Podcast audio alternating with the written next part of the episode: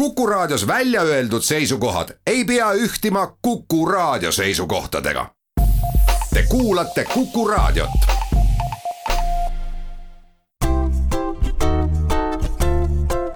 patsiendiminutid, Patsiendiminutid toob teieni Eesti Patsientide Liit. tere, hea Kuku Raadio kuulaja imeline Eestimaa suvi jätkub, puhkuste aeg on käes ja puhkavad kahjuks ka arstid. krooniliste haigustega ravimite kasutajad võtavad aga tablette hoolimata aastaajast ja meie räägimegi täna sellest, mida teha, kui igapäevasel ravimi kasutajal tuleb ühtäkki võtta juurde ka mõnda uut rohtu ja mida siis tähele panna olen Kadri Tammepuu ja meil on täna stuudios Tartu Raekoja apteegi proviisor Silja Nellis, tere Silja! tere! No uurime alustuseks, ehm, kui me teame, et arstid puhkavad, millal ja kuidas apteekrid puhkavad, sest apteegid on ju valdavalt äh, suvel lahti äh, jah, et äh, apteekrid ka kindlasti puhkavad ja, ja peavadki puhkama. meil on niimoodi aasta läbi, kes millal soovib, et apteek on ikka alati avatud ma tean, et sina oled äh, see inimene, kes uurib, äh, kuidas inimesed ravimeid võtavad, et miks apteekrid muretsevad patsientide pärast, et kuidas siis ravimeid võetakse. kogu info on meil ju karbi sees olemas äh, jah, et igal ravimiga tuleb kaasa ka infoleht, aga oma igapäevatöös me ikkagi näeme seda, et et kui äh, inimene tarvitab erinevaid ravimeid, siis äh, hakkavad seal sisse tulema nii-öelda ravivead. ja alati, kui ka apteegis ravimeid väljastame, siis me infot anname, aga kui ravimeid on palju, siis kõik ei jää inimesel meelde ja ka nii-öelda leti taga me tegelikult alati ei näe kogu komplekti, mida inimene kasutab, mis probleemid tal on. põhjalikuks ülevaateks äh, niimoodi üle leti on natuke liiga vähe aega ega järjekord, kui see on selja taga, ei ole ka päris rahul, kui ühte inimest nõustatakse seal oluliselt kauem, kui tavapäraselt ollakse harjutud. Absoluutselt jah, et, et seda me näeme ise ka ja, ja püüame niimoodi igapäevatöös äh, inimestele ka nii-öelda märku anda, et, et apteek ei ole päris selline koht, kus äh, lihtsalt läbi joosta, et, et ravim on ka võimalik mürk, ja, ja et, et saada sellest ravimist paremat kasu ja, ja hoida ka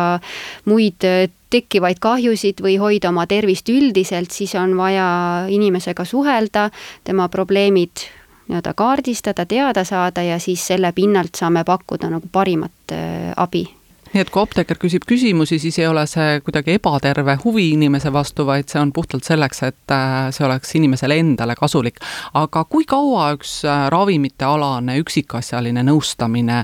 kõige vähem aega võiks võtta? oleneb nüüd sellest võib-olla, et kui palju inimesel ravimeid on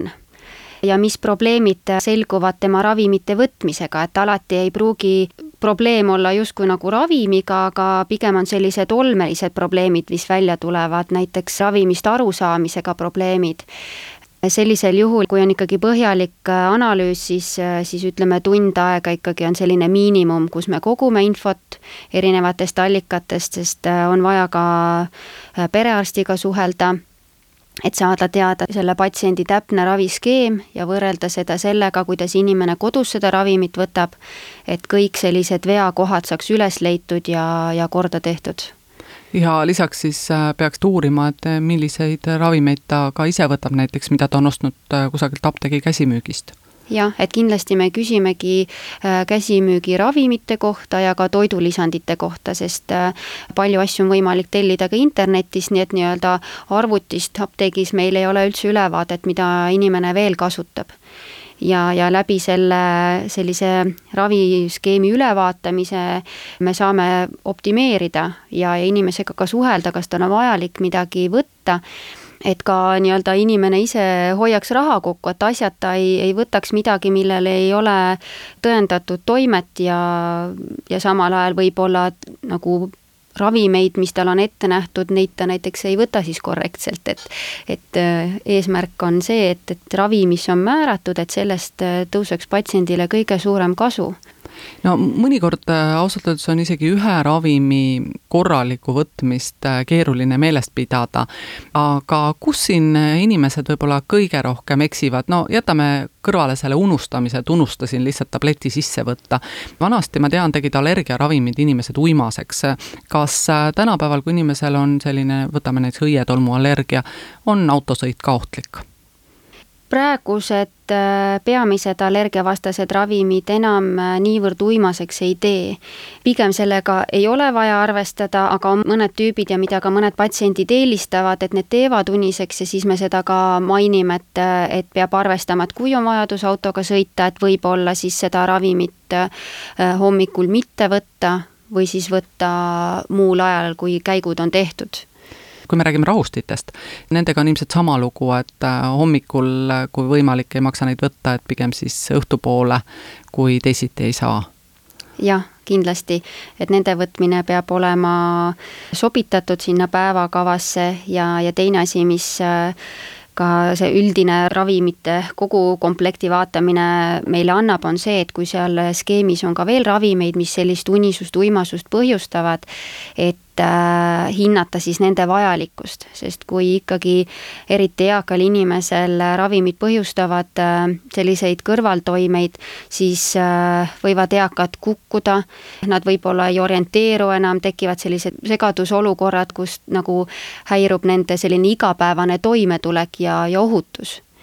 Et see on ka üks eesmärk just, et, et ravimite võtmine olekski võimalikult ohutu et ühe ravimi võtmine ei tooks kaasa teisi probleeme ja, ja haiglasse sattumisi aga mis saab siis, kui selgub ikkagi, et ongi kirjutatud välja kaks sellist ravimit, mis ei sobi omavahel kokku? on tõesti ravimeid, mille nii-öelda koostoimeid vaadates see koostoime esineb, aga sellisel juhul tuleb vaadata selle koostoime sisse nii-öelda, et kas on võimalik kuidagi seda riski vähendada või siis tulebki lihtsalt selle riskiga arvestada, et no kõige selline tavapärasem näide on, kus erinevad ravimid, valuvaigistid ja näiteks antidepressandid või trombivastased ravimid koos võttes suurendavad veritsusriski et sellisel juhul äh, võib-olla on võimalik vahetada valuvaigistit, kui seda näiteks ei ole võimalik teha, siis tuleb äh, näiteks äh, selgitada inimesele, millised on veritsuse sümptomid, et kui tal näiteks sigemed hakkavad veritsema või sellised sinikad tekivad nahale, et siis ta oskab seda ära tunda ja teab arsti juurde pöörduda et ravimid uuesti üle vaadata. no mõned äh, kombinatsioonid on päris ohtlikud, ma mäletan, kui tulid äh, meestele potentsiravimid, siis äh,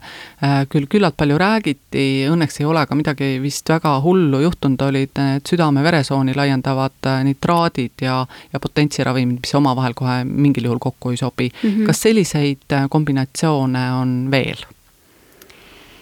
Võib-olla kommentaariks sinu näitel, et, et see koostoime on olemas, aga seda lahendatakse selliselt, et nitraate võetakse siis pigem hommikul ja, ja potentsiravimeid siis õhtul, et, et selline vererõhu langus ja sellest nii-öelda kukkumise oht, et pea hakkab ringi käima, inimene võib kukkuda, et siis võetaksegi seda õhtul, et inimene läheb lauguni voodisse magama ja, ja see ei häiri kuidagi igapäevategevusi ja lisaks sellele võib olla näiteks, kui vanemal inimesel on depressioon, kasutab antidepressante, võib-olla natukene on ärevust, kasutab rahusteid päeva jooksul, õhtul on uinumisraskused, võtab unerohtu ja kui võib-olla on ka mõned nii-öelda narkootilised valuvaigistid mõne, mõne tugeva valu jaoks raviskeemis, et sellisel juhul näiteks ka alkoholi tarvitamisega tuleb ettevaatlik olla. Aga nii-öelda elu, elu on elu ja üritusi on, et et sellisel juhul äh, peab inimene teadma, mis ravimeid ta kasutab ja kuidas siis alkoholisse ka nii-öelda suhtuda, kas see on tal päris keelatud või mingil määral siiski võib, tulenevalt alkoholist nende ravimite toimed võivad tugevneda võib ka eh, tekkida eriti eakal inimesel, kes on nende ravimite toime suhtes palju tundlikumad, tekkida hingamisraskused, unisus nii, nii tugevalt, et selles mõttes võivad ka koomasse langeda, et eh, võivad tekkida ka eluohtlikud olukorrad. teeme siinkohal väikese pausi. patsiendiminutid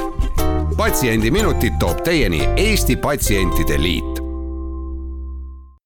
stuudios on proviisor Silja Nellis ja Kadri Tammepuu. me räägime täna, kuidas ravimeid võtta nii, et neist tõesti kasu oleks ja jõudsime jutuga eakate ravimikasutajateni. miks need vanemad inimesed just ravimitele tundlikumad on?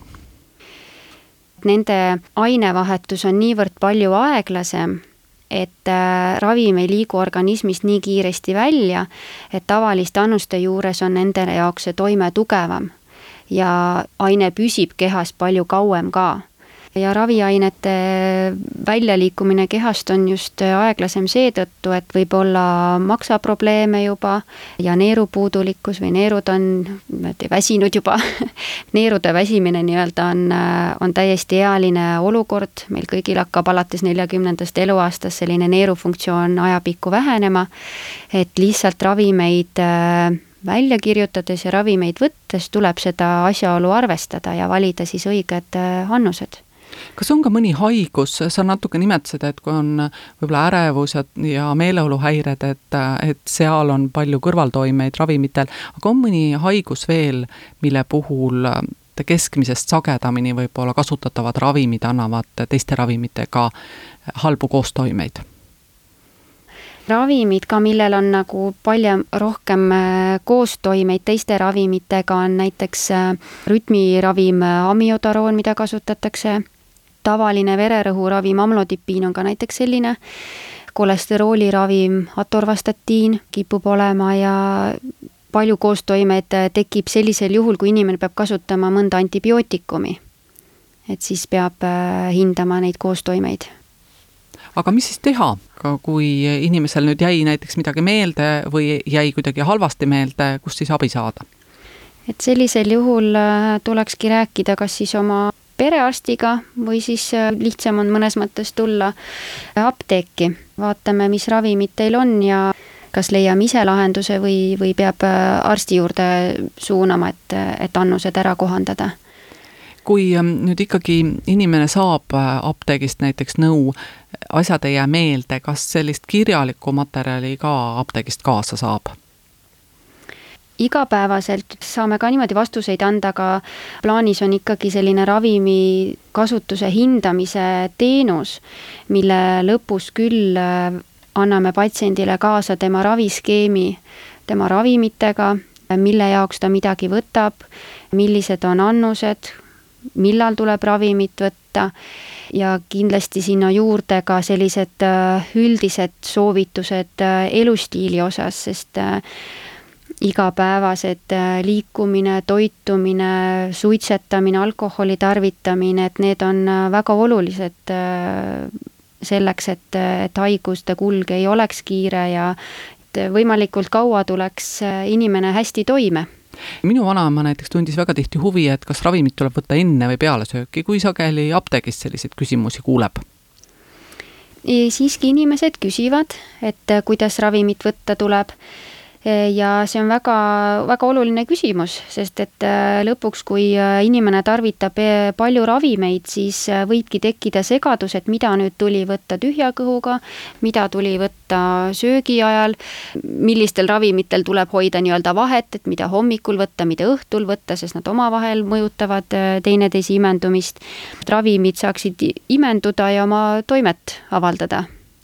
mehed elavad ju meil tervena tõesti keskmiselt viiskümmend neli aastat, naised viiskümmend seitse aastat, mis tähendab, et kuuekümnendates eluaastates on juba inimestel tihti olukord, kus nad võtavad mitut ravimit iga päev.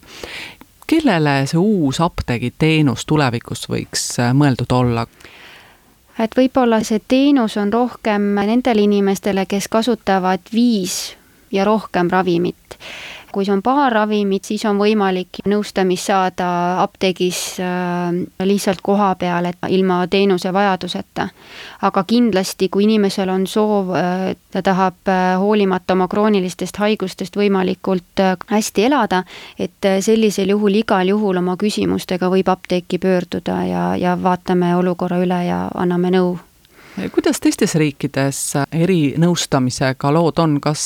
ainult Eestis mõeldakse taolise ravimite kooskasutamise teenuse pakkumisele või on teised riigid meist kuidagi ettepoole jõudnud? Euroopas ikkagi see suund äh, sinnapoole täiesti on olemas ka juba varasemalt, et meie liigume veel sinnapoole oma teenusega hetkel, aga kindlasti see ongi väga oluline teenus tegelikult kogu tervishoiusüsteemis, et, et oleks hea ülevaade oma ravimitest, et äh, oleks selline järjepidevus, äh, kuidas patsient oma ravimitega elu jooksul toimetab ja et ravimite kasutamine oleks ohutu, tõhus ja optimaalne kui vaadata Eestist väljapoole, siis äh, sellist äh, teenust äh, pakutakse Hispaanias, Rootsis, Suurbritannias, Ameerikas, Uus-Meremaal. See ei ole midagi uut, aga selle suurt kasu on nähtud ja, ja seda tahame ka meie Eestis oma inimestele pakkuda hiljuti ju toimuski teil selline katseuuring, mida te sealt õppisite või mida te seal isekeskis kokku leppisite enda jaoks? Äh, selle pilootuuringuga me nägime, et vanemad inimesed äh, oma äh, haiguste ja ravimite juures vajavad toetust ja mitmekordset selgitamist, et perearsti aeg on piiratud, iga küsimusega ei lähe perearsti juurde, siis kipubki teinekord niimoodi olema, et inimene saab ravimid, on ka haiglas, saab mõne uue raviskeemi, läheb koju ja siis ta on üsnagi üksi oma selle raviskeemiga ja nüüd, kui inimesel raviskeem muutub, ütleme, et ta võttis viite ravimit, aga haiglas arst määras talle hoopis uued ravimid, kas siis peaks uuesti ravimite kooskasutamise teenust äh, saama? jah, seda võiks teha, sest kui seal on ees ikkagi palju erinevaid ravimeid, siis need koostoimed on täiesti võimalikud pluss veel see, et kui äh, ravim on uus inimese jaoks, et talle saaks äh, selgemaks, mis ravim see on, mille jaoks ta seda võtab ja, ja kuidas seda kõige õigemini võtta. Igal juhul on jah, võib-olla kohe alguses nõustamise kasu keeruline näha, aga ma tean, et äh, esmaspäeval juba lähed sa rääkima sellel samal teemal Tartusse autovabaduse puiesteele, et kuidas siis ravimeid koos kasutada. millest sa seal täpsemalt rääkida plaanid? plaaningi äh, rääkida võib-olla üldisemalt sellest, et mida selline ravimite kasutamine endast kujutab ja kas ma saan aru üldse, mis ravimid mulle on äh, arst määranud, et mille jaoks ma seda võtan ja, ja miks on äh, mingit ravimit vaja võtta ühtemoodi ja teist mingitel teistel tingimustel ja, ja ka võib-olla teadvustada seda, et, et kui ma ka ravimitele lisaks käsimüügist midagi ostan, et, et siis äh, sellest võivad ka minu jaoks tulla mingisugused ohud et eesmärk ongi välja tuua näidete varal, et kuidas parandada oma ravimitega hakkamasaamist. täpselt, et kui on ununenud, võib-olla mõne näiteks äh, astma või, või kroonilise kopsuhaiguse inhalaatori kasutamine on osutunud keeruliseks, mistõttu inimene ei kasutagi seda õigesti ja regulaarselt ning vaevleb siis äh, hingamisraskuste ja vaevuste käes, et tegelikult kõikidele nendele probleemidele on lahendused olemas tuleb lihtsalt tulla apteeki ja küsida, aga kas kohapeal küsimusi ka küsida saab? saab küll, jaa. nii et, äh, et kes soovib, see tuleb kohale, ma saan aru, et tegu on vabaõhuüritusega, see tähendab, et äh, viiruse levik on teatud määral ikkagi piiratud ja keda mm. huvitab, äh, võib siis tulla Tartusse esmaspäeval kell üksteist autovabaduse puiesteele jah, ja kindlasti eakatel inimestel ma soovitan, et kui on tegemist jälle sellise palava suvepäevaga, et panna ikka peakatte pähe ja võtta veepudel lähedusse. jah, no kindlasti usume, et see on nüüd juba kõigile selgeks saanud, aga suur aitäh, Tartu Raekoja apteegi proviisor Silja Nellis, saatesse tulemast ja täna meile sellest keerulisest ravimimaailmast rääkimast ja täname ka kõiki kuulajaid, küsimusi küsis Kadri Tammepuu, kuulmiseni nädala pärast ja seniks olgem terved! Patsiendiminutid. patsiendiminutid toob teieni Eesti Patsientide Liit